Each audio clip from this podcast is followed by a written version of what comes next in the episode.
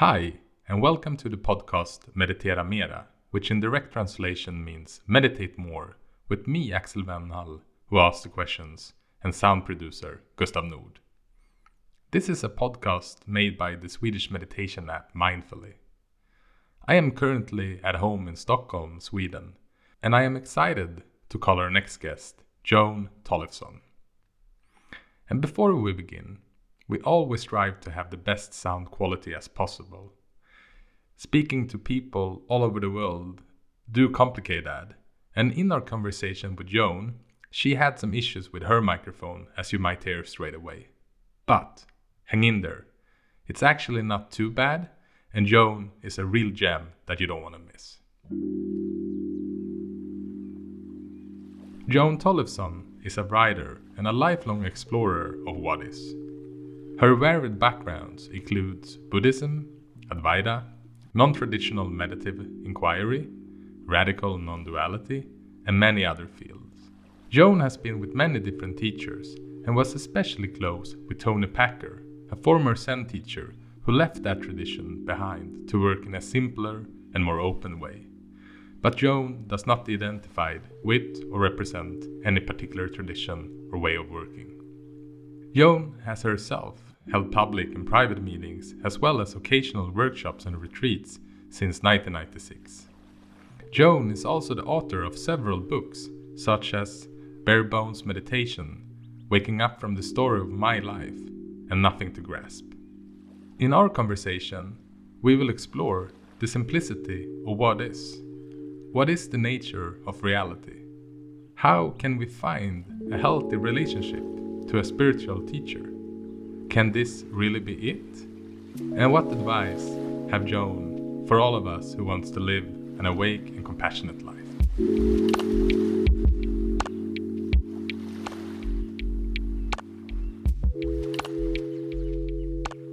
First of all, thank you for um, joining the podcast. Well, thank you for having me. I heard you first at Sam's Sam Harris at the Waking Up. I thought it was a beautiful conversation. And since then, I've been reading a lot of your outpourings on your website, and um, they are just brilliant. I am uh, I'm so happy I found you and your um, and your teachings or your text about uh, the here now, as you say, or the being human. Really, being human. It's it's been beautiful, but for all of those who haven't listened to you who doesn't know anything about you, could you perhaps introduce yourself and uh, your background and where you were in life when you discovered meditation and spirituality? Okay. Well, um, although I was raised by atheist agnostics, I was attracted to religion and spirituality at, from childhood. And um, I, I read books on religion and stuff um, in college in the 60s. I um, took a course on Vedanta and Zen, read Alan Watts, took a lot of psychedelics, things like that. And that's where I first learned to meditate. But I wasn't really doing it very much. But I read the Upanishads and Alan Watts and all sorts of stuff like that. And then I kind of got into alcohol and drugs for a number of years in a pretty serious and near, nearly fatal way and then I got when I sobered up, I got into politics, um, the women's movement, the lesbian gay movement, the uh, anti-imperialist left, uh, the Central America Solidarity movement. You know, I got into a lot of political work, and then I, when I left that kind of activism, I started sitting at the Zen Center in San Francisco, and then lived at the Berkeley Zen Center for a while and both Joko Beck, Charlotte Joko Beck, and Toni Packer were coming to California, where I lived at the time, for retreats every year, separately, I mean. And I ended up sitting with both of them.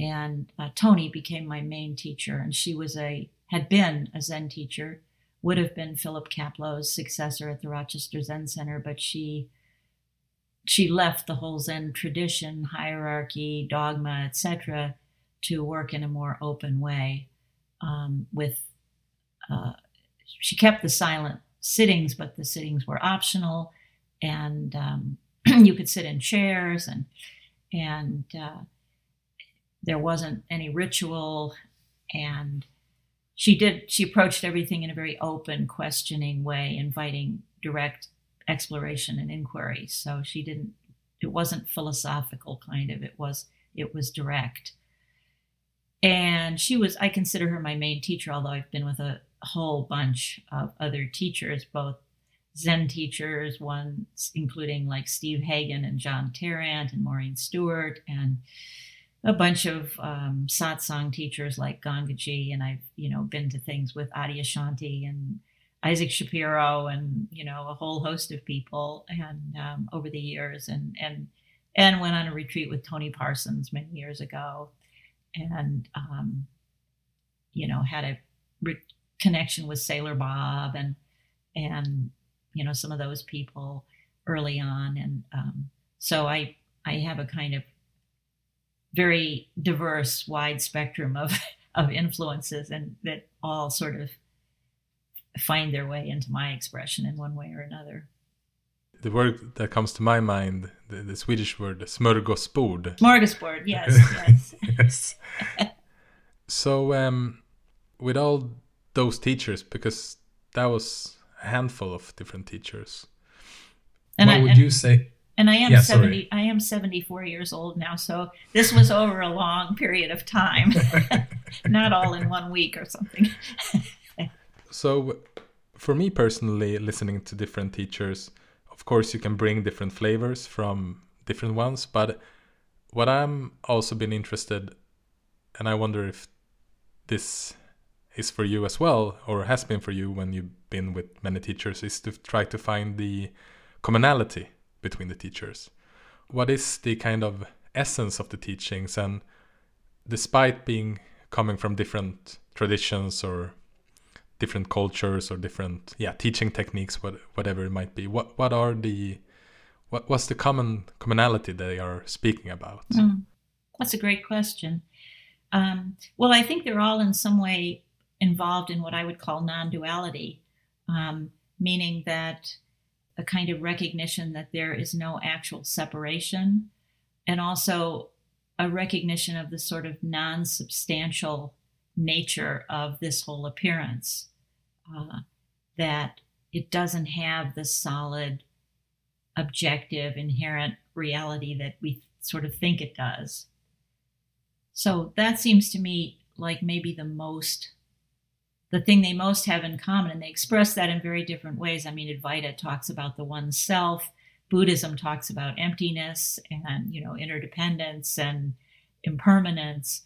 Um, so they language it in different ways. They conceptualize it in different ways, but it's it all has something to do with that non-separation and non-substantiality, and also with some recognition that this little me that we feel is kind of in here directing the show, authoring my words, making my choices, and so on, that we can't really find that. It doesn't really seem to be there when we look for it.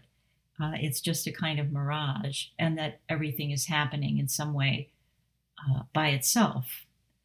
Um, so that they all seem to have some version of that in common, I would say. One thing that I've heard you speak about before and um, that I've seen in myself, and, and, I've been pondering upon why it is so. Um, it's the the romanization of teachers, the projections we can have in different teachers, and uh, I, I have one. Uh, one good friend, or you could say it's it's my mentor. He he went to a Eckhart Tolle uh, lecture I think it was in Norway, perhaps. And and before the lecture, people were queuing up, uh, and when the and when the gate opened, they they were running to get a seat in in the front, and it kind of made me think like, I mean, that can't be what Eckhart Tolle is teaching. that you have to be close by to get his transmission or whatever. But but at the same time, with different teachings, is that a lot of us who had uh, awakenings is that that is perhaps the most important and useful or whatever you want to call it uh, insight in the life in your life. I mean, it can be so profound. And of course, when you have someone helping you or directing you or guiding you to that insight, that creates a special bond as well. But what's your view on on a healthy relationship with a teacher? Yeah, well, I was really lucky because my all of my earliest teachers, which would be Mel Weitzman at the Berkeley Zen Center and then Charlotte Joko Beck and Toni Packer, were all very, very, very careful not to become authority figures or um, kind of idolized gurus or anything like that.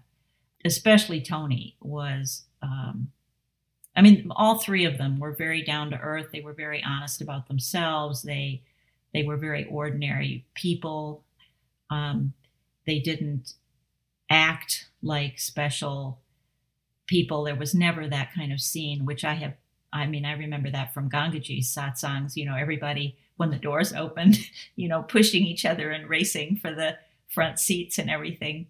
But I was really lucky that those were the those were sort of the first three teachers that I was with and that were probably, you know, and, and then some so many of the others that I've been with, like Steve Hagen and Anam Thubten, and you know, have also been very not guru-ish in any way. Although, you know, I have to say, I mean, I met Mooji in person once. I really liked him. Um, I, you know, he certainly teaches in that kind of guru way. And I had a wonderful connection with Gangaji, who um, kind of teaches in that way. I think less so over time, but certainly when I was with her, she did.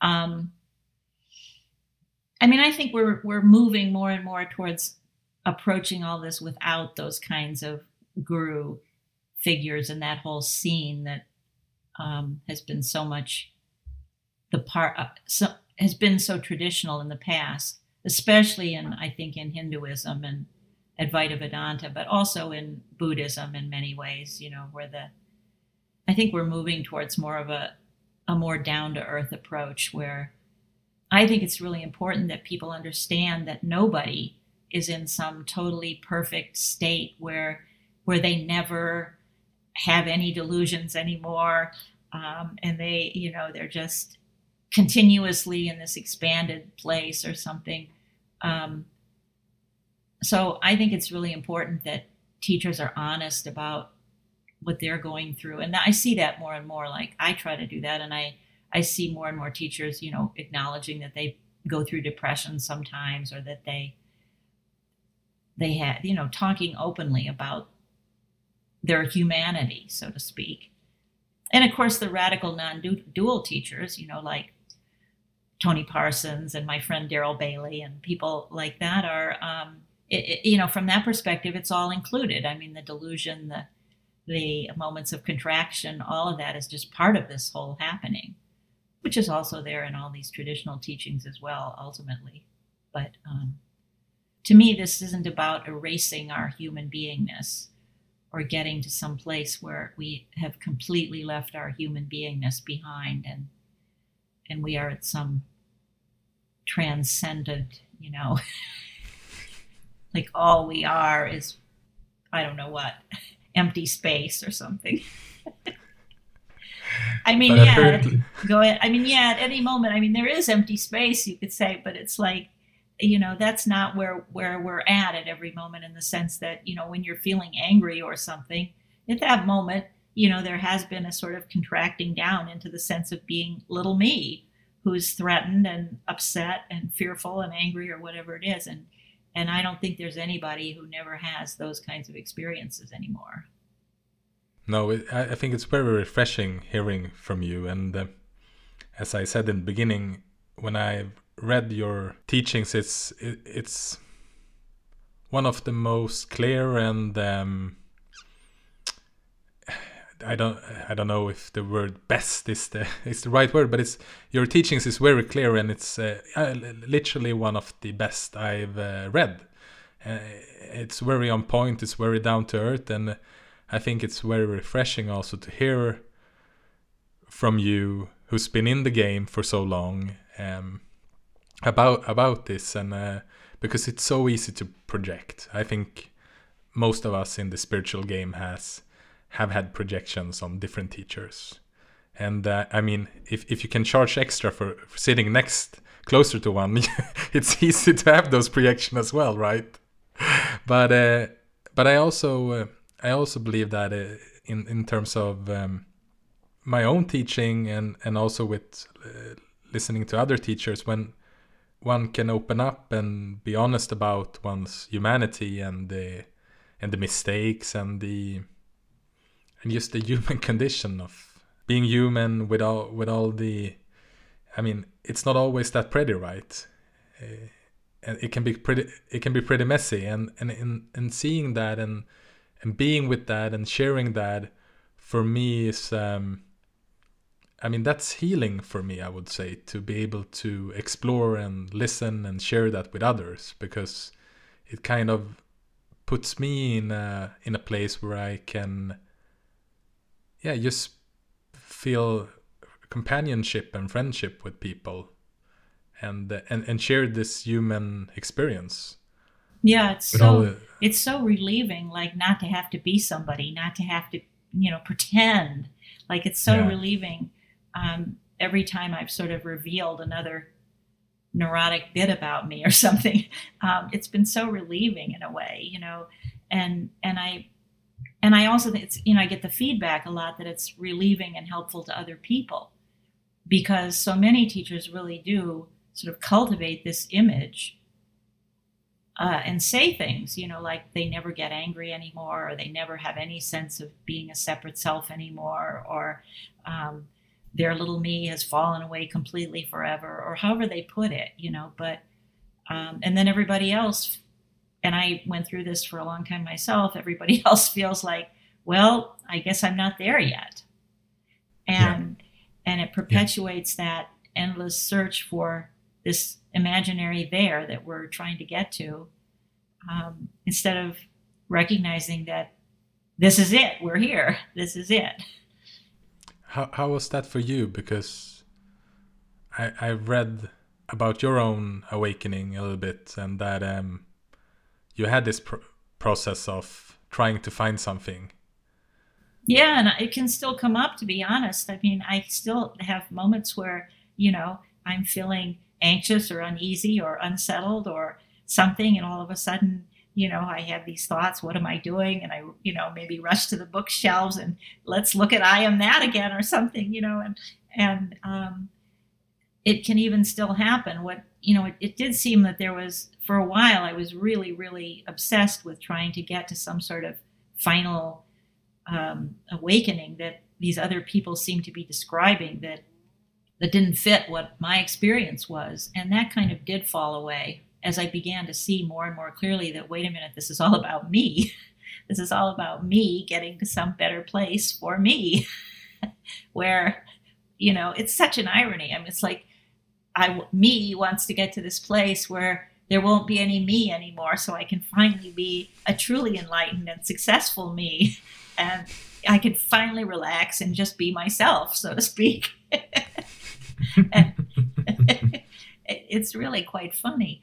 So yeah, there was a big seeing through of that. Not not big in some grandiose sense, and not in one big moment or anything, but just a gradual kind of seeing through that. But but even now, you know, there can still be moments of of of feeling uncertainty or doubt or and and kind of reaching for for something in a way that feels kind of addictive and and uh, and there may be people for whom that never happens anymore. I don't know, but I don't care if there are people for whom that never happens anymore. I can only be with what's going on here. And even to announce that this never happens for me anymore seems incredibly delusional because because um, how do you know it's never going to come up again? And, and and you're sort of announcing that me is beyond me. Um, look at me. This doesn't happen to me anymore. You know, it's just it's kind of um, and and really honestly the best clearest teachers that i've been with all acknowledge you know like i i i was talking to anam thubten once and you know he to me was just is, is just one of the clearest most amazing beings on the planet uh, you know, I really had had him and still have him, I suppose, up on you know quite a pedestal because he really just is this radiant, clear being. And I I said, you know, I said to him, well, you know, I said I, there's there's a lot of you know awakening and insight, and this is all clear, but at the same time, I'm I'm really uh, deluded a lot of the time. I'm I, and he said. I'm in. del- I said I'm in delusion a lot of the time, and he said, "Oh, me too. Isn't it wonderful?" and you know, and toni Packer, when people would sort of idealize her, she would say, where do you think I get the material for my talks? You know, where she was to be talking about yes. the yes, kinds of yes, things that come up for human beings. And, you know, it's like from observing herself. And, um, and Joko would say things like, no matter what I say, 10 minutes from now, we're all going to be out there seeking something, you know? And um, so that those teachers were were all just really honest about that this is this is how the human mind works and mm-hmm. Yes there's a there's there's a kind of waking up for seeing through the ways that it creates suffering and confusion and kind of waking up from the hypnotic trance you know and and waking up to this you know wonderfully um, okay bigger picture so to speak all inclusive picture. But it's just an ongoing it's an ongoing process and it isn't really personal which is one of the one of the revelations that i consider part of so-called awakening you know is that none of it is really personal. It's not about joan. It's not about the mis- the apparent mistakes the apparent breakthroughs. It's all a happening of this whole. It's not it's not about the little me who isn't even really in there. Yeah, no, I I can relate to you, what you said, and um, my wife is pretty good at bringing me back to reality. So when we are in argument, she used to say, "They should see you now, the meditation teacher." and it's it, it's good because it's um, it's a good reflection of um, yeah of my own uh, delusion and uh, my own uh, yeah my own temper i would say sometimes but but i think one of the things a progress if you want to call it progress it's is when at least for myself is that when i see it now first of all i'm not deluded as much as i've been before. And when i see it i can also have a more of a compassionate view when i see it. Yeah that feels really important. And that definitely is one of the things that has shifted here that I don't feel upset in the way I used to over over all these apparent flaws. like I don't go into this place of oh my god, I lost my temper on Facebook. Um, I've ruined, you know, what if I'm a spiritual fraud, you know, da da da da da. um, you know, it's just it's just all part of this happening, and so yeah there's a lot more compassion for myself and for everyone else being being as weird as we all are sometimes and uh, and that doesn't mean that you know sometimes i don't feel like somebody else should be doing something different and feel angry at them or something. Because that can happen. Mm-hmm. yeah they, they always say you know if you think you're enlightened you know go home and visit your parents or you know or yeah like joko joko used to say the best thing for your spiritual practice besides these zen sesshin the best thing for your spiritual practice is is either a job in a busy office or an intimate relationship and and she would say in the intimate relationship not because it will make you happy because she said it won't but because um, it will push all your buttons um, as will the busy office and um, and that's what she did. She had a job in a busy office and raised five children as a single mother or something. I think oh, it was wow. five. I'm not sure. I can't remember, but it was several children anyway as a single mother. And and she felt like that was the that was the best thing for spiritual practice, you know, because then you find out where you're still caught. You find out where the edges are. You find out what pushes your buttons and all that sort of thing. And um, yeah, I, I can totally agree. And I I was happy that you threw in the kids there because that's definitely in the mix as well, I have to say. So, but what is spirituality for you? Mm. How do you define it? Well, you know, I'm not really fond of the word but I haven't really found another one, you know, because like people want to know well, what what do you write your books about or what do you what you know, and it, like it's not biology, it's not mathematics, it's not physics, it's not engineering, it's not, you know, I have to have some kind of word. And there's no word that I've ever found that really completely satisfies me. Um, so I've kind of come up with non-duality or non-dual spirituality or spirituality, but um, but spirituality can can suggest so many things, you know. And I'm not into angels and and uh, you know, some of the things that that word can conjure up. And in my view, everything is spiritual. I mean, you know, my last book, Death, the End of Self Improvement, um, part of what I wrote about was was having an anal cancer, and now I have this ostomy, and um, you know, and I wrote and I and I wrote about the, the messiness of that and all the different things that I went through in the course of all this, and and seeing all of it as spiritual. You know, it's like there's an old Zen koan or saying or something where someone asks the master, What is Buddha? And the Zen master says, Toilet paper, basically. I mean, he says dried shit stick, but in our language, that would be used toilet paper, you know? And um, so to me, everything is spiritual. I mean, the freeway is spiritual, the, you know, urban development is spiritual um, the toilet paper is spiritual, and every aspect of our lives is spiritual. And really, things like meditation, as I see it, I mean, yes, there it's a different experience to sit down in silence doing nothing than it is to be in the office, for example. It's a different experience. But really, eventually, you see that there's no real boundary between meditation and the rest of your life. So it's like meditation is a particular kind of setting or experience where everything's very simplified and quieted down and that's good that's helpful or enjoyable or whatever it is but but ultimately it's it's the same as when you're in the office i mean and when you're in the office it's just again just being here with what's showing up being here with experiencing as it is and just seeing all the ways that you get upset, all the ways that you feel flattered or triggered or whatever you feel, and and just being with the being the whole thing. Um, so to me, everything is spiritual.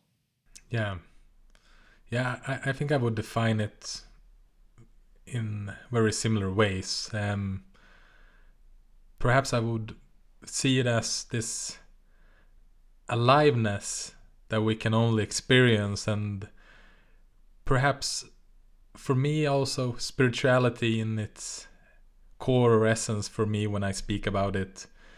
It's also um, the the presence or the aliveness or life or reality but perhaps without our concepts about it. Yes. The direct experience. Yes exactly. Yes that's it. It's it's the although concepts are not excluded because it includes everything but but and it gets so paradoxical to try to describe it all because it's like if you say well it's everything and this is it um, some people can hear that as okay so just being a complete you know being adolf hitler or something that's fine that's spiritual you know or something and it's like well in a way i mean yes everything is it's it does it is the recognition that even that is part of this whole happening somehow. But it, there's also there there is also a kind of waking up or transformative kind of seeing through the way that we get caught in the conceptual maps and and seeing through the way we get sort of hypnotized in our stories and the way we get confused and suffer unnecessarily. So there is a kind of even though it also then includes all of that. Yeah. So it gets very paradoxical to try to talk about. Yeah.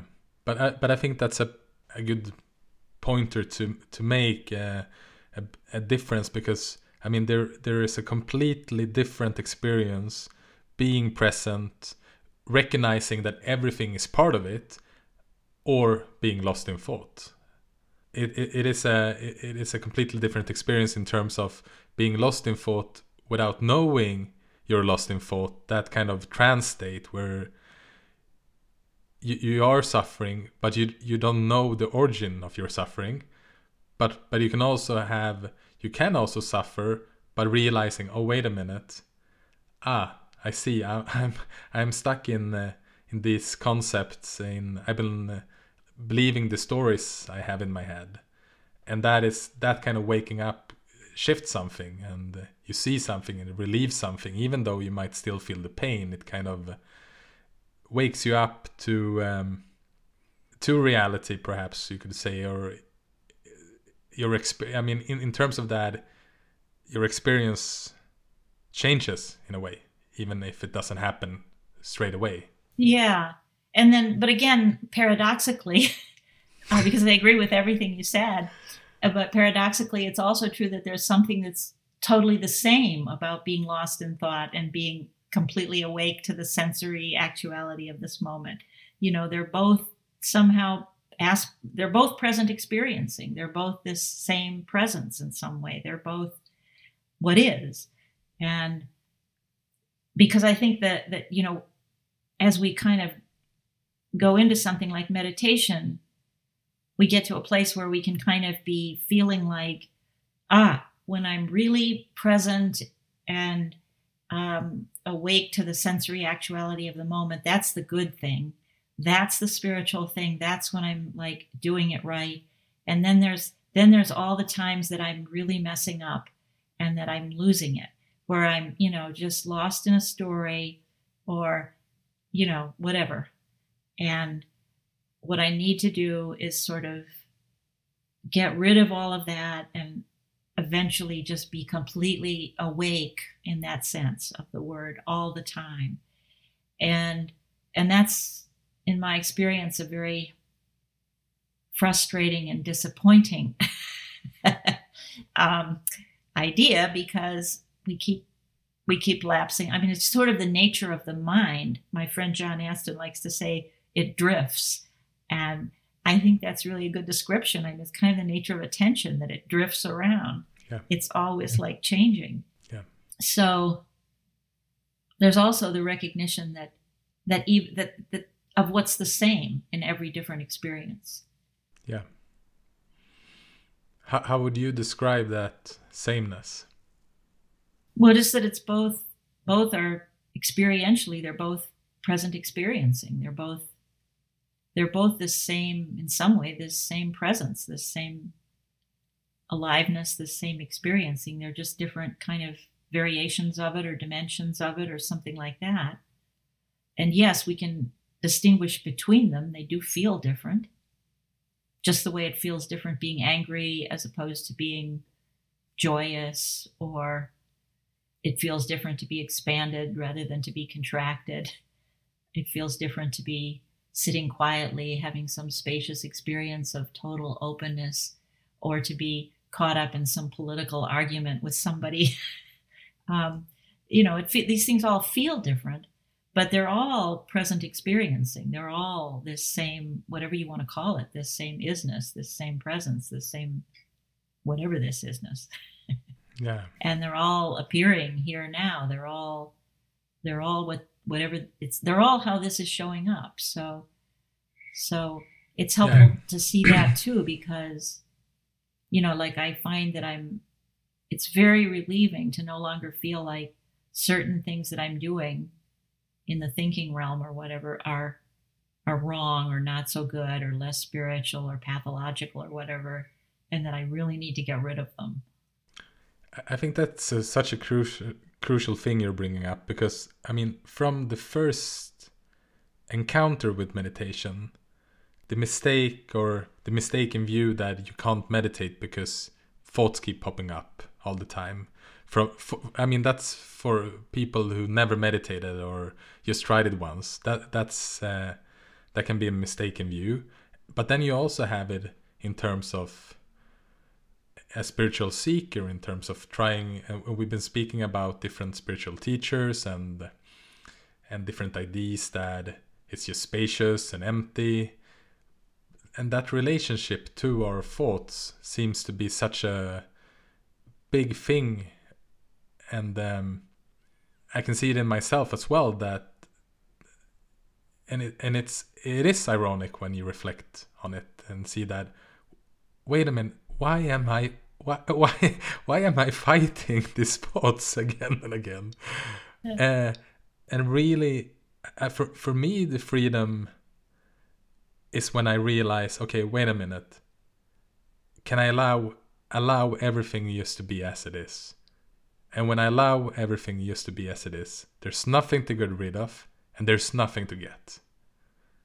And and just and just a, a taste of that is just yeah that's also beautiful yes it is and and and then also the realization that everything is already allowed to be as it is obviously yes. because it is as it is and yes. so it's not like i have to do allowing somehow no. but but just but it's a beautiful idea that you know sort of or however you want to say it to allow everything to be as it is um, yeah and we don't really need to do any i mean just seeing like just seeing a particular thought pattern that comes up over and over that is causing suffering or confusion just seeing that is what transforms it.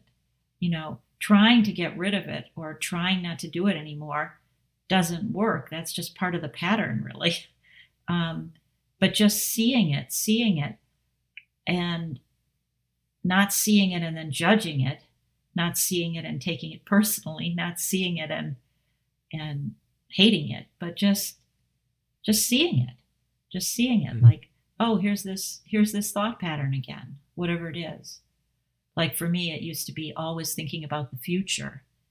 And I just started seeing that and seeing it and seeing it. And the more clearly I saw it again and again and again, the more it started to fall away and lose its grip yeah so so those kinds of patterns of, or like when i was chasing enlightenment you know just suddenly really not suddenly but just it's always sudden because it's always in the moment but it's also gradual in the sense that it kind of unfolds over time but another one of those paradoxes but anyway just seeing this whole thing about me am am i enlightened yet have I got it yet? Am I as awake as so and so? And just seeing how that was all about me and all about the future, and just seeing that again and again, more and more clearly over and over until eventually it kind of disintegrated or evaporated. Again, not totally completely. It's not like I never, as I said, never think about that or never think about the future anymore. But I don't do those things in the kind of obsessive, painful way that I did for a long time. So awareness is really is really the transformer in my in my view you know and of course our, hab- our, our habitual approach is to try to transform things with willpower and and uh, resistance and seeking and all of that um, and it, so it's a discovery that that doesn't really work that that's really kind of part of the problem or the apparent mm-hmm. problem because as we've been saying there's never really a problem yeah.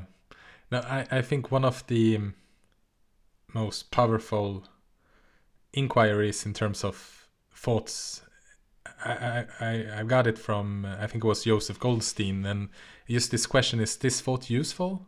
Mm. and and I also like to bring it one step further on onto is this thought useful right now? Because of course we have useful and valuable thoughts. They pop up from time to time but if we can also bring that inquiry to is it useful right now? And it's just so uh, liberating to see that i mean there's so i mean 99% of all the thoughts are not really useful right now.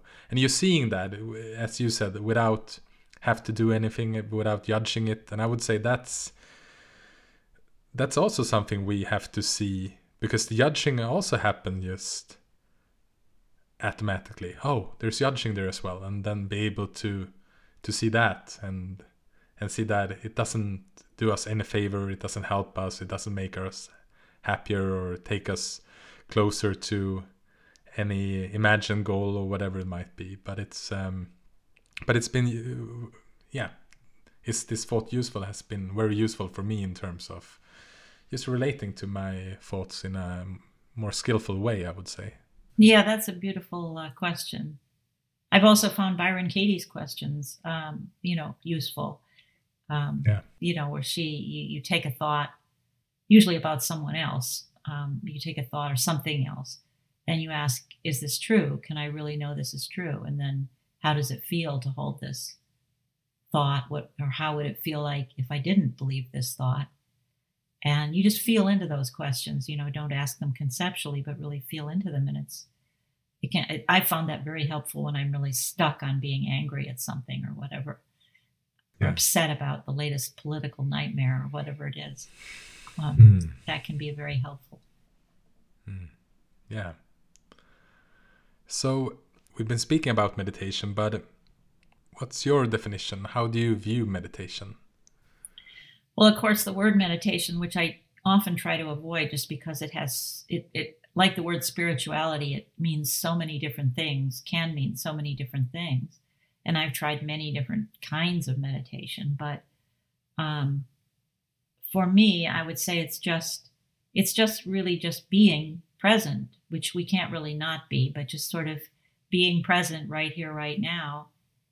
Yeah, and it's it's a kind of simplified space in the sense that you, you know, you put down your phone and you turn off your computer and you you know turn off the music and you stop doing all the things you're doing and you just sit down or you don't even have to be sitting of course because it can happen in other ways but basically you just you're being still and you're being silent and you're not doing anything. And you're just here. And then all of a sudden a lot of things begin to reveal themselves that you maybe don't don't notice when you're really busy like, for example, it was during an all day, my first all day sitting at the San Francisco Zen Center that I noticed that all my thoughts were about the future. I'm sure that had been going on forever and ever, but I'd never noticed it before because I was just too busy or whatever. So, in that kind of silent stillness, things we begin to notice things and and we might also begin to notice just feeling things like we begin to notice the breathing and just feel the breathing. And we notice the sounds as just pure sound. And we notice the feelings in the body as just sensation. And if pain happens we start maybe get inter- interested in exploring it. What is this? What is it like if i just tune into it as a sensation you know? And and in doing all of that or in opening to all of that or however you want to put it we begin to discover how everything is kind of this ever changing, insubstantial, kaleidoscopic dance. You know, it's not really the solid, fixed world that we kind of think we're in. Um, the more we kind of are just experiencing the simplicity of the moment, and well, of course, we find out it's got a lot of complexity too, but but um, and we begin to notice the kind of spaciousness of this awareing presence, you know, just the openness of it. The fact that we can't really find a boundary between inside and outside, that that there's no center to this experience. It's just until a thought pops up about me, you know, but otherwise it's just this centerless, edgeless dimension, you know, it's just open and spacious. And and then we notice how contraction happens, you know, how suddenly we're like sucked into some sort of agitated, me centered thought train about um, why did that happen yesterday? Why did they do that? You know, and all that sort of thing or whatever.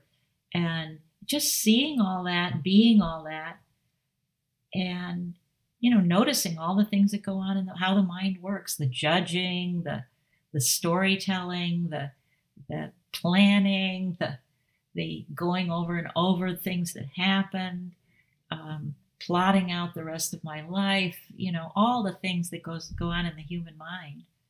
Um, just seeing all that, seeing our own particular patterns, and just also just enjoying the aliveness of the moment, you know, just enjoying the sound of rain. I mean, it's so wonderful to listen to rain, all those wonderful sounds. We're just you know, whatever sounds are there. It could even be the refrigerator humming going on and off, or the the heater going on and off, or or and and even the sounds that we think you know, in the beginning, we might think, oh God, I can't meditate because somebody has turned on a chainsaw or something. But, but then it's like, well, what is that like? Just to really listen to that sound as an experience, as a sensation. And because you start to notice how that sound, yes, it is a neurologically unpleasant sound. There's no question about that. But it becomes infinitely more unpleasant the way we think about it.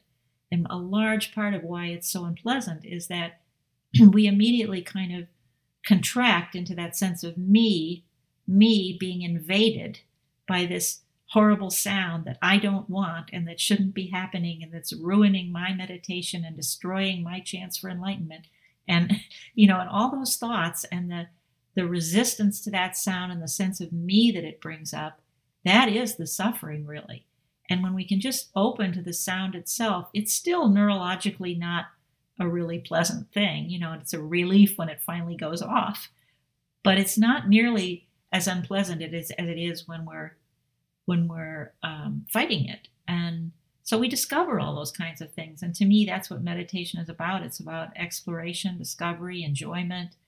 And and I like to see it as something that's very open, like rather than, well, this is what you should do and this is what you're going to find and all of that, but just see what I mean, yeah, hear what people suggest and then just see what see what moves you, see what comes up for you and rather than trying to find or see what someone else is describing, just see what you see, see what see what reveals itself, you know, and mm and just see it as this really open exploration and discovery and enjoyment of what is and that everyone every one of us is totally unique so we're all on a different path you could say and yeah. um, and we get so caught in trying to be somebody else or trying to be like somebody else but instead you know what is it right here right now what is this like? What is it? Not what is it like even, but just what is it? Just this, you know? And uh, yeah, so that to me is, is, is meditation, just kind of exploring all that. Yeah. In Sweden, we have this um, beer brand uh, who comes from the northern part of Sweden, and they have a they, beer, they have an ad. Beer, like the drink beer. Uh, uh, exactly the the drink beer, and and they have a famous uh, commercial who said the uh, the beer is called Norrlands Guld. If you want to be yourself for a mo- moment, and I, I think that that is a, a brilliant ad for meditation as well. Like meditation, if you want to be yourself for a moment, because it kind of brings me back to when we talked about different teachers and how we can project and I think in terms of and we also been speaking about spirituality and and what we kind of mean with the word spirituality. But if we use in lack of better words spiritual spiritual maturity in terms of that it seems also it has to involve the dropping away of thinking or projecting or about other people, teachers, friends, family, and ultimately see what works for you. What is true for you in, in that sense? It's an exploration into your self, and when I say self, I don't mean uh, as a something you will find or just this mystery in the terms, in a sense of a better word. And um, yeah, I I, um, I think it was a beautiful explanation of meditation because it it becomes so so more open when we and explorative when we can have this approach to meditation. And um, it's also this paradox in terms of sometimes when i teach meditation i, I use the acronym hack just to have people to, to kind of relate to something and it stands for honesty allowing curiosity and kindness. And, and those can be seen as instructions or guidelines. But then when we kind of relax into just being aware, those also seems to come quite naturally. So it's this we kind of cultivate some kind of qualities, but at the same time they are already here. Yeah. Yeah, I, I um yeah, I think uh, I like that beer commercial. Um, it, because and it's interesting, you know, like coming from a past of, of alcoholic drinking. Um, you know, I think that's a lot what getting drunk offered. I mean, or even just having a glass of wine. It's sort yeah. of like this wonderful relaxation yeah. of the mind. And you're just sort of here and you're just kind of, you can just be here, just enjoying, you know, the colors in the room and that sort of thing, or whatever's going on. But obviously, drinking beer has its downside because, as I discovered, um, you know, in fact, Eckhart Tolle has a beautiful way of putting it. I think he says that, you know, getting drunk and all those kinds of things, they're a way of sort of falling below the level of thought, sort of back into the level of other animals. And that feels very mm-hmm. good, but it comes with a lot of, but we're going, whereas he's talking about sort of going above the level of thought.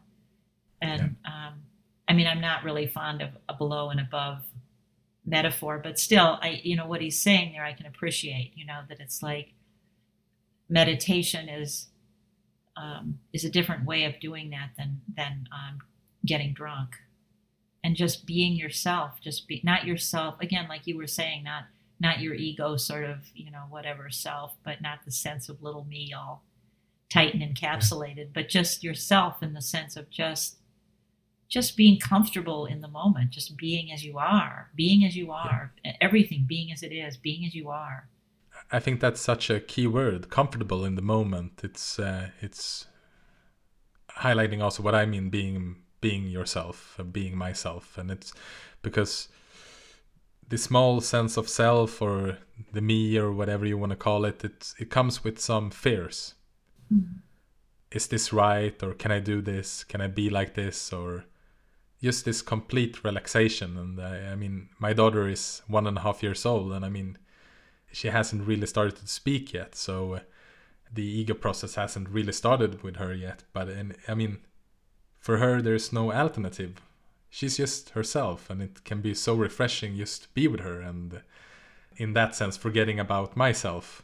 Yeah, yeah. There's no uh, that sort of self consciousness takes a while to kind of kick in.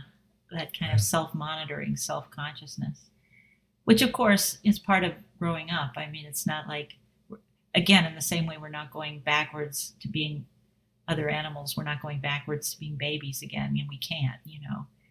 And it's even being comfortable with being uncomfortable, you know, it's even being comfortable yeah. in a certain sense with those moments of tension and anxiety and uncomfortableness. Yeah, because I think that's also one thing, um, a common mistake, and I definitely uh, I'm I'm definitely doing it from time to time, even though I can see through it more uh, more and more often. Is the I, I think in terms of also coming back to different spiritual teachings and teachers and transcending and uh, being this open and unconditional love and in, in those teachings at least for myself it can and, and you can hear the Buddhist teaching about the end of suffering, for example. And at least for myself, meditation has been a kind of technique to try to avoid pain. Mm. But the longer I am in this game, it, it, it just reveals for me that pain will be here. Pain is part of life and there's nothing to avoid. But when I when I don't have to get rid of the pain, when I don't have to uh, avoid the pain, when I can kind of meet the pain, it still hurts, but uh, uh, I don't suffer as much. And I think that's that that has also been um, more and more revealing, and also to see that uh, love hurts as well. So how how how do you view the difference between pain and suffering, and how has it unfolded in your life? Um, well, yeah. I mean, I think I distinguish sort of that pain and painful circumstances are an inevitable part of life, whereas suffering is kind of the add on, what we do with that, how we respond to that or react to that, that creates the suffering. So, you know, one of my great discoveries in, in Zen early on was being in excruciating pain on a long sesshin, you know, and then just instead of resisting it, or with the chainsaw example, you know, just when you stop resisting it and just really open to it, it becomes interesting. It's no longer unbearable.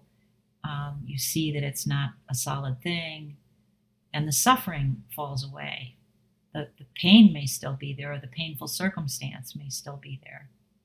But, and again, not to get some, you know, all of this can so easily become, you know, anything we say can become a trap, sort of, because, um, you know, like for example, when I was going through cancer treatment and there was a lot of pain involved and discomfort, and with the chemotherapy and the radiation, and it wasn't like I spent every moment just feeling into the sensations.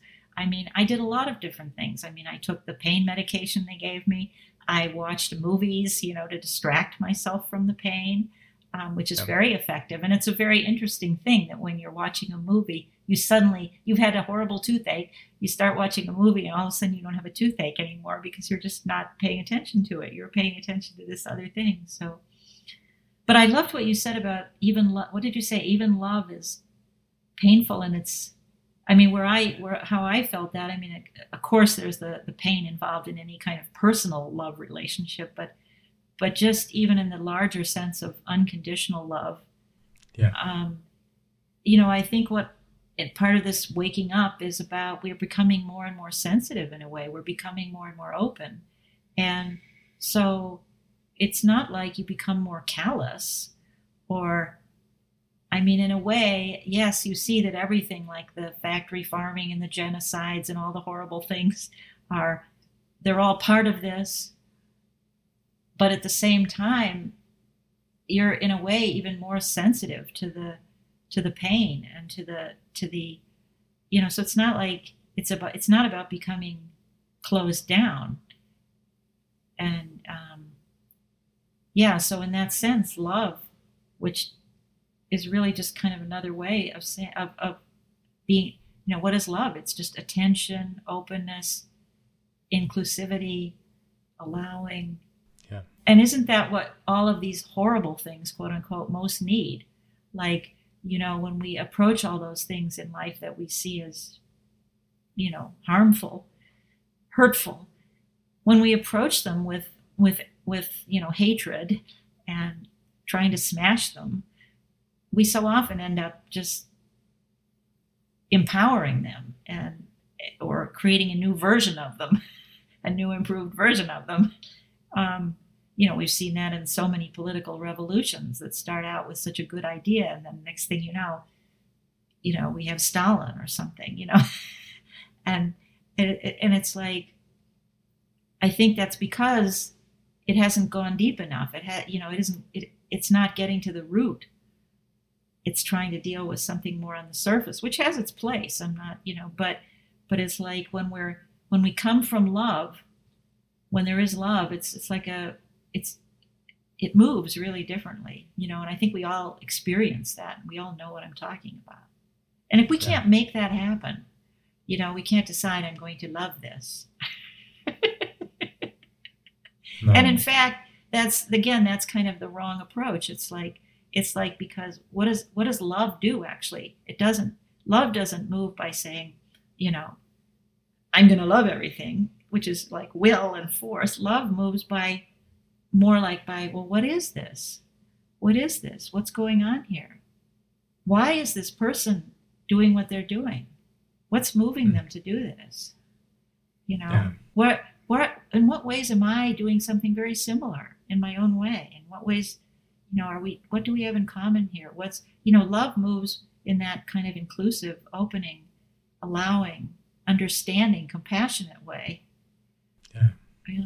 It's it's interesting because when you kind of look at it and as you mentioned like when when there is curiosity and when there is kindness then there is a sense of love, but also when there is uh, kindness and allowance, there there is also perhaps some kind of curiosity. So they mm-hmm. they are intertwined those facets of awareness of the here and now in in that sense and uh, yeah and I, I think it's just been so useful for me to to be able to see that and and perhaps also not to be afraid of that kind of sensi- sensitivity and pain because just as an as an example I've experienced and I reckon many parents experience is uh, when you start to leave your kids at preschool or kindergarten.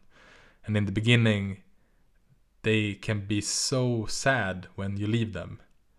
And um, I just had this strange, it was strange in that way because I didn't expect it, but it, it was powerful as well because when I, when I left my daughter at preschool and and she became very sad and I had to leave and it hurted so much but then my response to it was just that I was so grateful I was so grateful for feeling that hurt that pain because I knew that was that was the true essence of love. Like that was one of the moments in my life when I really understood like okay wow this is this is unconditional love. And Jesus it hurts. Mm-hmm. and wow I'm so grateful for ex- experiencing this.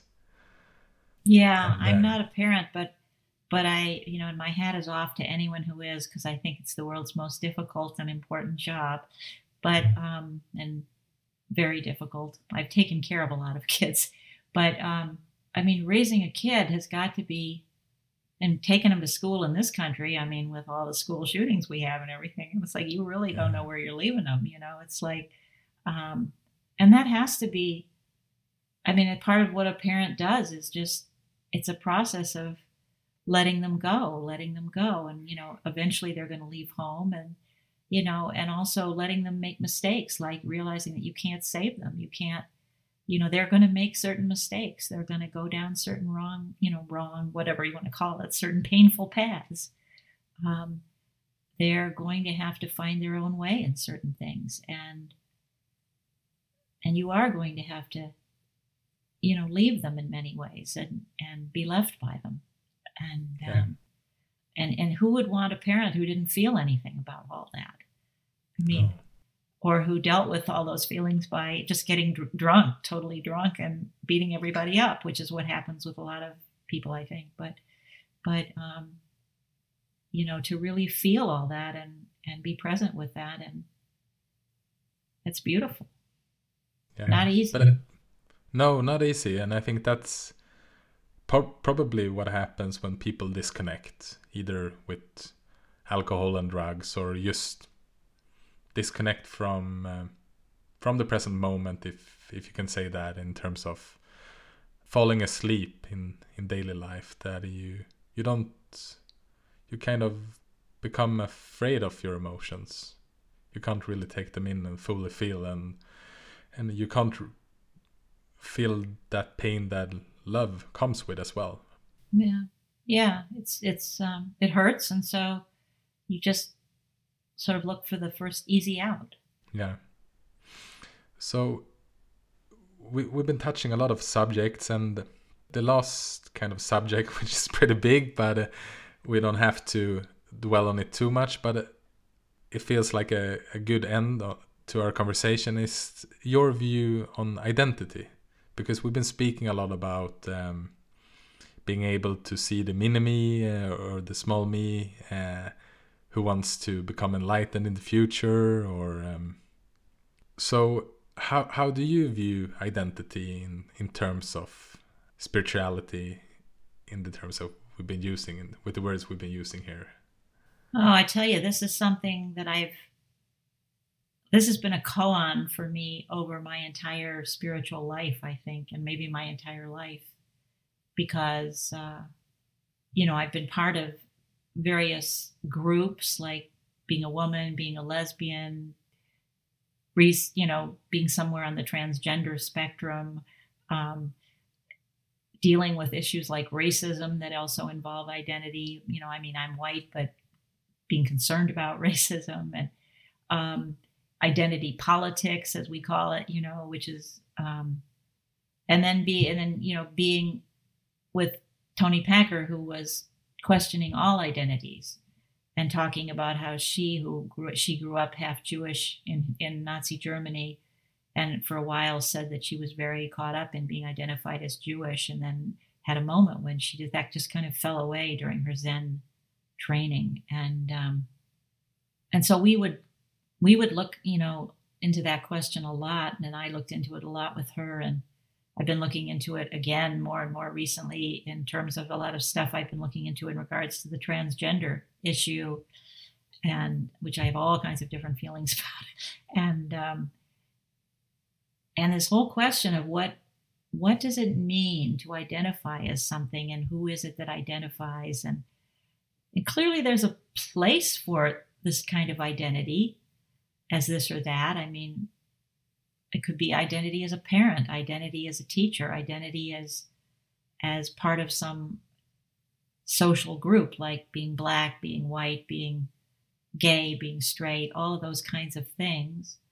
Um, and I have to say, it's really it's a live koan for me. I don't like feel like I have the answer to this one by any means, but it seems clear that we can get stuck in identity in ways that are very, very unhelpful. And it can be sort of a false sense of belonging to some group. It can be a way of making other people other. It can be all kinds of things that don't seem very helpful.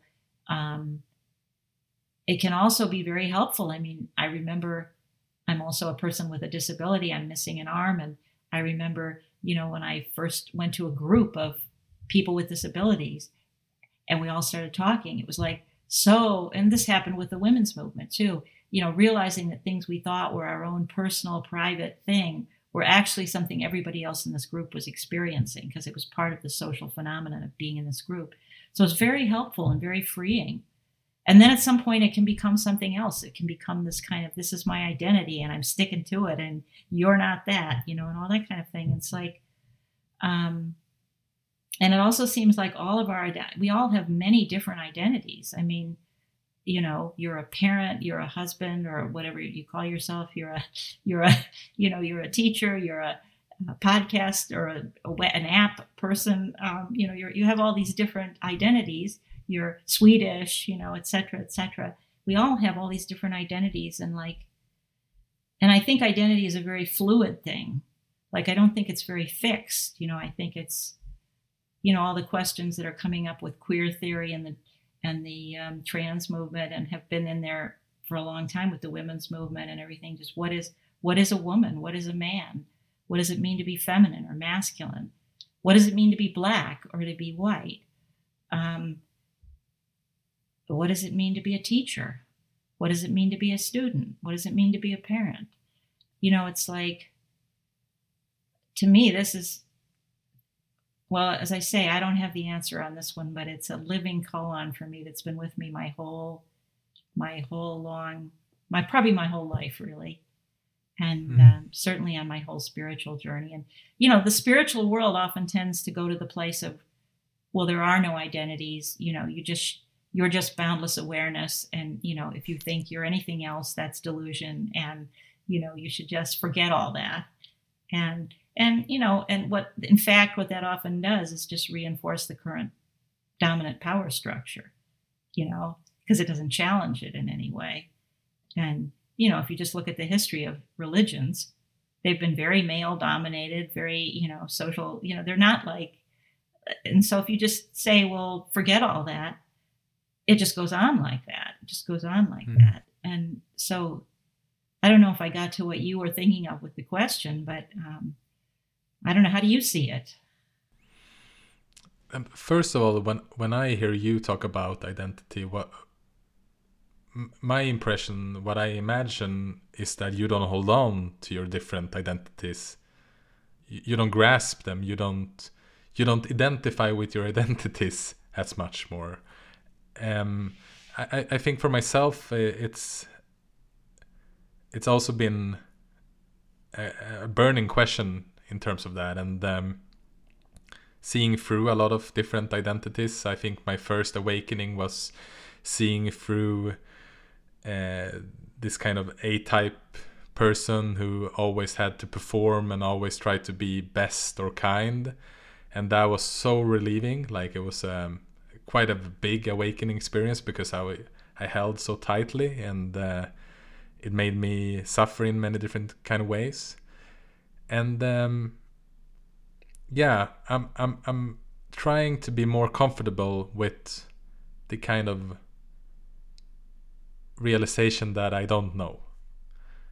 to be in that I don't yeah the, the not knowing and and to be honest with you I find that hard because there's this strong impulse to get it to understand and know and uh, and also there's a kind of comfort in identity in in being part of a group or identify with a nationality or being male or whatever it might be. Identify with my family for example. But uh, for me it feels when i kind of can live with the uncertainty and the not knowing it feels more true in a sense. It feels more real. It feels more uh, fresh. It feels um yeah. I think that's yeah. so important you know because yeah we do have this deep desire for the answers for resolution for certainty and we really don't know what's going on here honestly we don't. And and you know in the i mean i think this is true all over the world now but certainly in this country we have an incredibly polarized situation you know between the left and the right and and you know the pro vaccine and the anti vaccine and you know all everything gets divided in these different groups. And then everybody is just so attached and identified with their side and we're not even listening to people on the other side anymore. We're just demonizing them and you know and i mean i've done it myself. It's not like this is something all everyone else is doing and i'm above it all. No.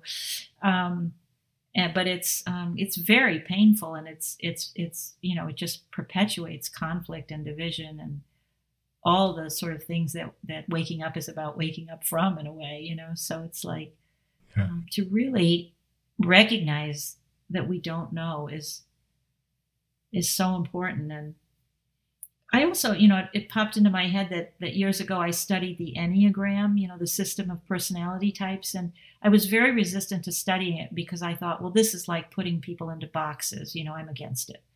But several people, including a Zen priest, urged, and, and my therapist at the time, urged me to take this class on the Enneagram, so I did, and I found it so helpful because you know, not because it was putting everyone in a box, but because I realized it made me realize for the first time that people have really different ways of dealing with conflict and stress. You know, one person, their approach is to go hide in their room for a week. Another person wants to talk about it right now and clear it up. Another person wants to have a knockdown, drag out fight.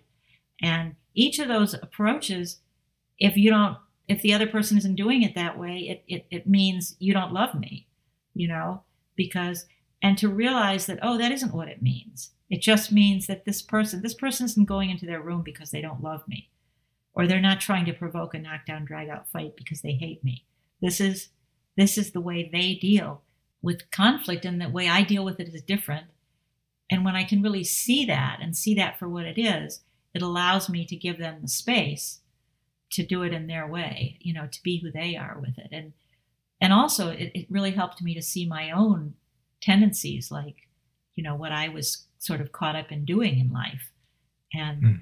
and to really get beyond that in some way or or see through that. You know, I don't know if we ever get beyond all this stuff. It's more like just we we become more and more aware of it. We see it. We're less we're less and less caught by it.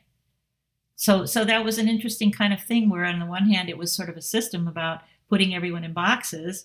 And then on the other hand, it was really helpful in in um, in getting getting out of my own box and having space for all the other people. So so I think this is all as we've been saying all along, it has a lot of paradoxes. There's a lot of paradoxes, and and we have a big tendency to want to land on one side or the other of things. You know, like I'm on this side and I'm against that side, but you know, it, like people get into these things. There is free will. There's no free will, and it's kind of like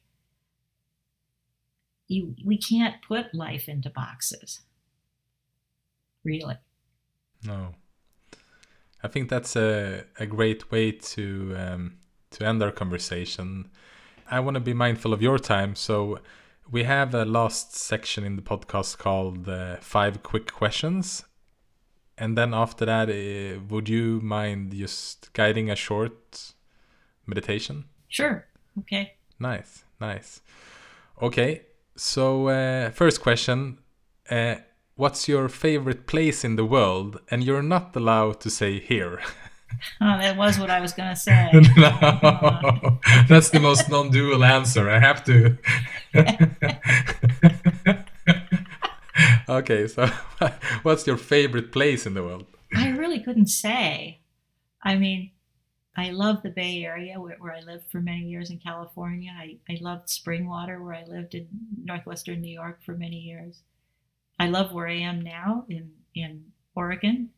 Hmm and um, and I've been to many places that you know were incredibly beautiful, um, that I love, but I can't really say that I have a favorite place.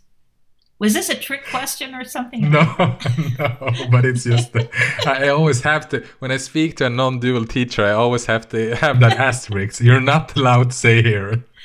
it always comes. It's, I can you see you uh, uh, when you're when you're trying when you're answering this question. You just want to say, but it's here. Yeah, it's, but it really yeah. is here. I mean, I think that is really the most wonderful part about sort of waking, yeah. being a, being a waking up or whatever you want to call it is is really really because I spent a lot of my life like looking for the better place, looking for the perfect place, and wherever you go, it's never perfect in that sense. and, and, okay. Yeah. So go ahead. Yeah. These are quick questions. Okay. I will shut up. Second question. Uh, if you could invite three people, they could either be dead or alive, for a dinner, who would you invite? Oh dear. Well, I don't know if it would all be at the same dinner, but I'd really like to talk to both my mother and father again, particularly my father because I didn't get he died kind of early, and um, and I'd really love to talk to Toni Packer again. If you had to recommend one book or a documentary, oh dear. Well, I suppose I should recommend one of my own books. Uh, um, I don't know. I can't. I can't pick one book. It's too hard. Okay, so we, we, all have to read all your books now. All of my books. Um, well, they're all very different, but um, if you want a sort of a quick distilled version of my essential message, Nothing to Grasp is the one I would recommend. And then yeah. three of them are more like storybooks that have a lot of my life story in them and personal narrative, and that would be Bare Bones Meditation, Awake in the Heartland, and Death, the End of Self Improvement. Fourth question What's the best advice you got? These are tough questions. I don't. I, I really have a hard time relating to this sort of the favorite, the best. You know, like I don't know. Yeah. What What's a good advice you've received? A helpful or a skillful or a useful advice? Well, being just this moment, be here now, being this. This is all there is. Hmm. Last question. What are you grateful for right now? Everything. I really am. I mean, I'm grateful for you for this podcast. I'm grateful for the place where I live, which is a wonderful retirement community and a beautiful place. I'm grateful. I'm grateful for the for all the things that seem like difficulties. I'm grateful for, you know, having lost an, an arm. I'm grateful for having had cancer. I'm grateful for having been a drunk and a drug abuser. You know, mm. I'm grateful for the the mistakes and the successes and the so-called and the I'm really grateful for for my whole life, and that that seems to grow more and more intense as I as I get older. Just grateful for for every moment. I don't feel yeah. grateful in every moment. I want to clarify that. I do have moments of stop that chainsaw.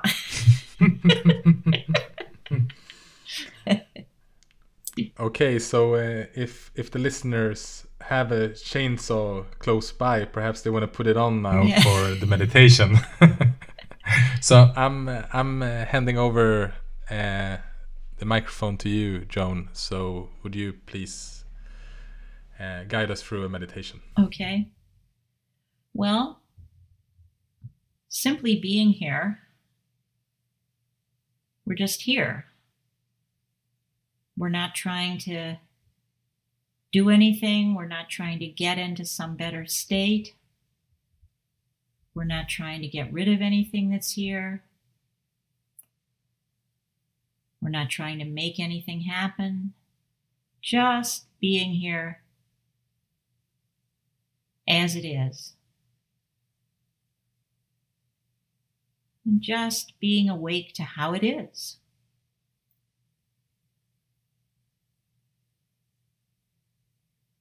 Which is effortless because this awakeness is already here.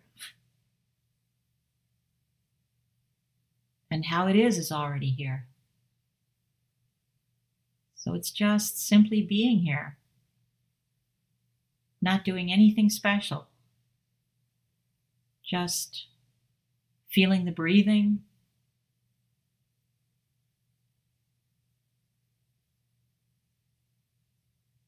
Hearing sounds if there are any, and without labeling them. I mean, the label might pop up, but just let the label go and just hear the sound as the way you might hear music, just as sensation.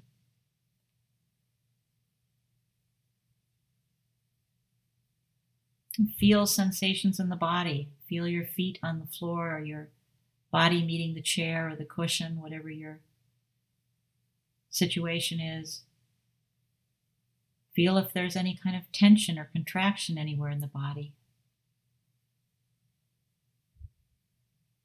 If there is, just just feel that as sensation. Don't try to get rid of it, but just just feel it with curiosity. What what is it? How does it feel? not what is it like let's come up with an answer but but just to actually feel it be interested in it.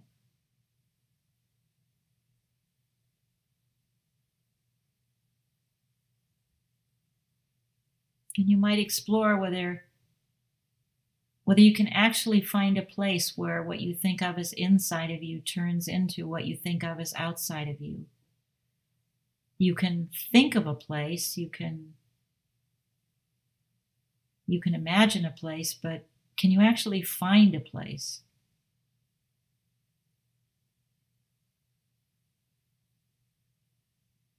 is there an actual boundary between inside and outside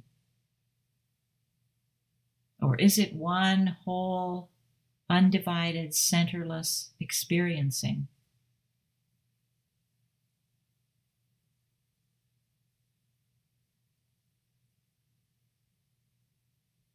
And again, you're not trying to have any special experience, but just just exploring that question. And just feeling into it and seeing what reveals itself.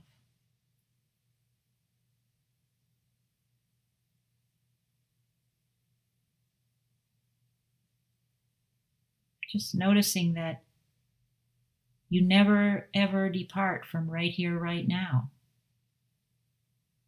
different times and locations, they show up here now. But this immediacy, this presentness, this here-ness, this nowness is ever present. It's what you are, it's what is.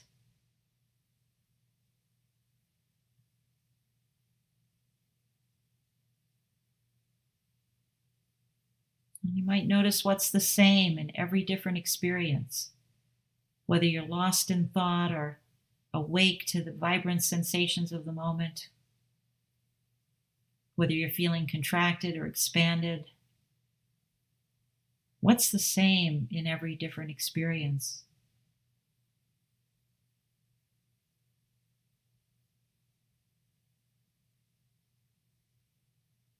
Is there anything that's the same? Maybe there isn't. Don't go with anyone else's answers to these questions, but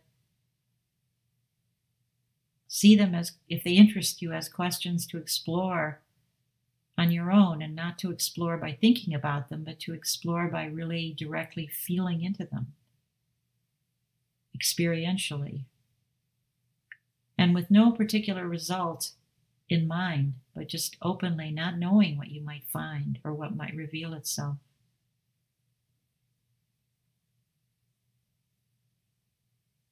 And if you're interested, you might explore decisions and choices as they happen and really watch and see how they happen. What goes on when you're making a choice or a decision? Just see the different thoughts that pop up and are you authoring those thoughts or are they just popping up? And then the decisive moment when you, if you're trying to choose between this and that, and suddenly you've decided, so to speak. Were you in control of that decisive moment? Could you have made it happen any sooner? Or did it just happen? And just really be curious about all this. Watch as choices and decisions happen and see if you can find the chooser, the decider. As you're as you're talking, see if you can find anybody who's authoring what's coming out of your mouth. Is there a speaker back there or is it just words pouring out? Or if you're thinking, just thoughts popping up, bubbling up. Or is there a thinker or an author? Just explore all that.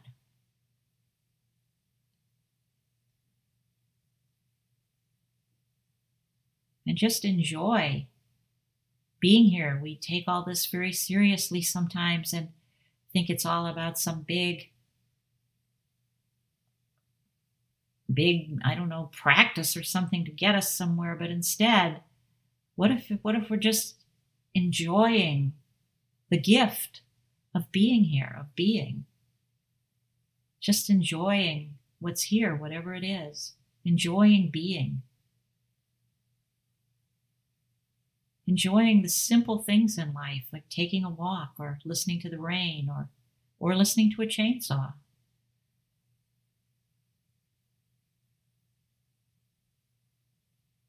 Noticing the difference between the actual experience of something the actual present experiencing of pain and the thoughts about it, or the effort to make it go away. Noticing the difference between those things and the actual sensations that you're calling pain. What if you don't call it anything? What is it? What is it like? What is boredom if you don't call it anything? If you're just curious about it, what is it? What does it feel like?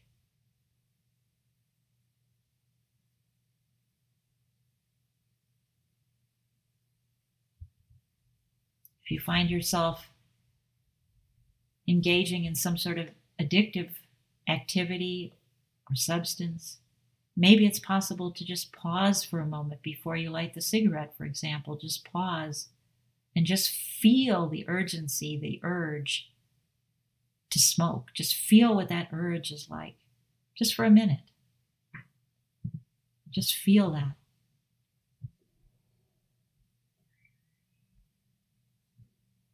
So these are just possibilities for things that might be of interest to explore. But above all, just follow your own follow your own interest, your own inclination and don't settle for anybody else's answers or anybody else's ideas. Just look for yourself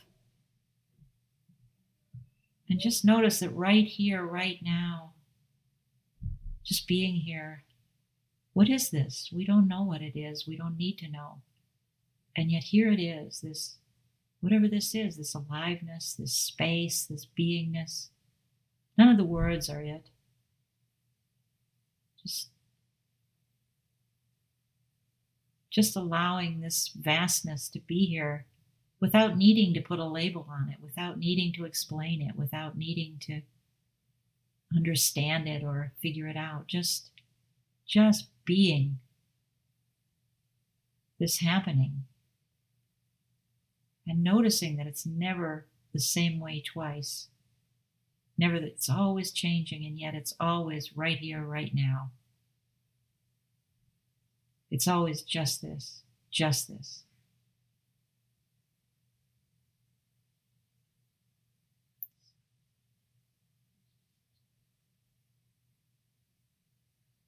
that's it.